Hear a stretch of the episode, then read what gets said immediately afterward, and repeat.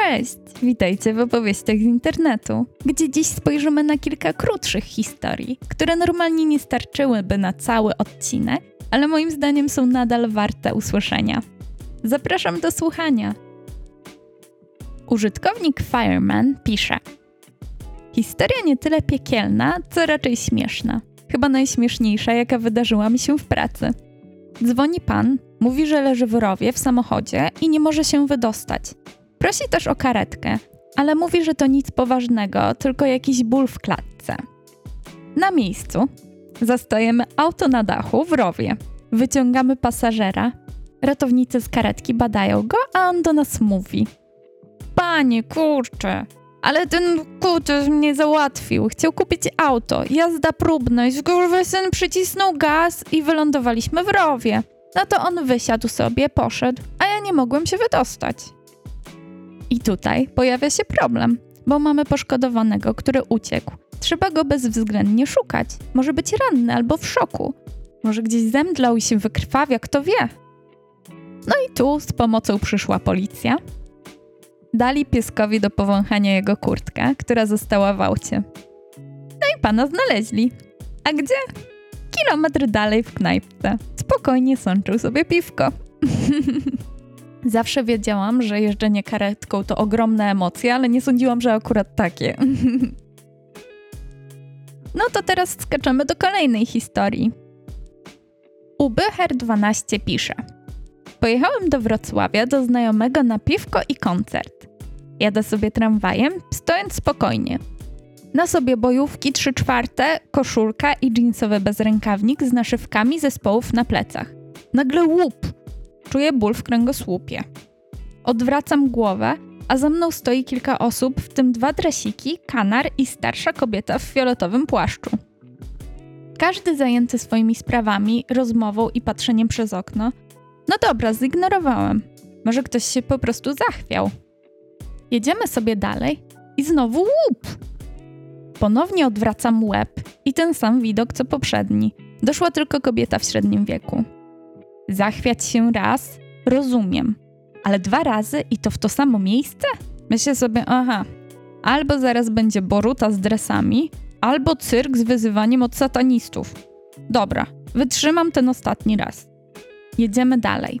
Jakimś dziwnym przeczuciem odwracam głowę i widzę ową starszą kobietę z pięścią uniesioną i wycelowaną w moje plecy. Co pani do kurwy nędzy robi? Czemu pani mnie bije? Ty satanisto! Oho, jednak miałam rację. Bezbożniku, bezbożniku ty! Jak śmiesz między porządnych ludzi wchodzić? Kobieco, a skąd ty wiesz, czy ja jestem satanistą, czy nie?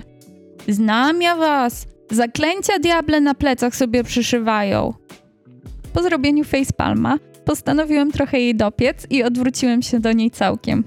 Jaki ja satanista? Na przepustce z seminarium jestem.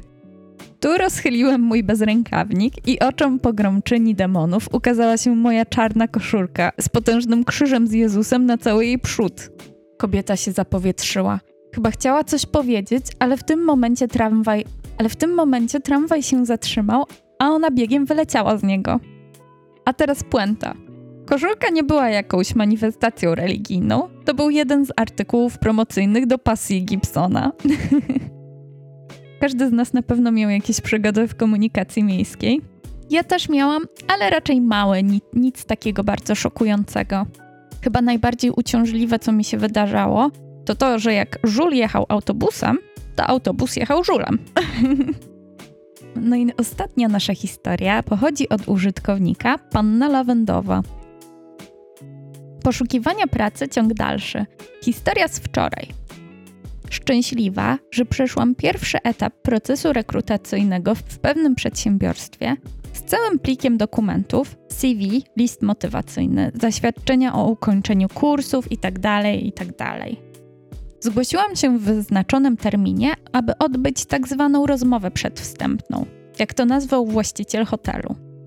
Co ważne, podczas pierwszego etapu rozmowy pan właściciel dowiedział się, że mieszkam 40 km od hotelu, ale moja babcia mieszka w tej samej miejscowości i nie byłby to dla mnie żaden problem przeprowadzić się do niej. Podczas naszej drugiej rozmowy wszystko było ładnie i pięknie do czasu. co takiego się wydarzyło? Kiedy właściciel dowiedział się, że mogę przeprowadzić się do babci, to zamiast cieszyć się, że zależy mi na dostaniu pracy, zaczął wyzywać mnie od najgorszych. Dowiedziałam się, że jestem egoistką, bo moja kariera jest dla mnie najważniejsza, że nie liczę się z tym, że będę dla babci ciężarem, że robię to tylko dlatego, żeby mi babcia gotowała obiady i tym podobne. Oczywiście wszystko w jeszcze bardziej dosadnych słowach niż ja tu piszę. No i ja do końca nie wiem, czy ta historia była taka piekielna, ale jedno wiem na pewno. To, czy babcia gotowałaby mi obiady, jest ostatnią rzeczą, jaka powinna tego pana interesować. Jejku, ja się zdecydowanie zgadzam.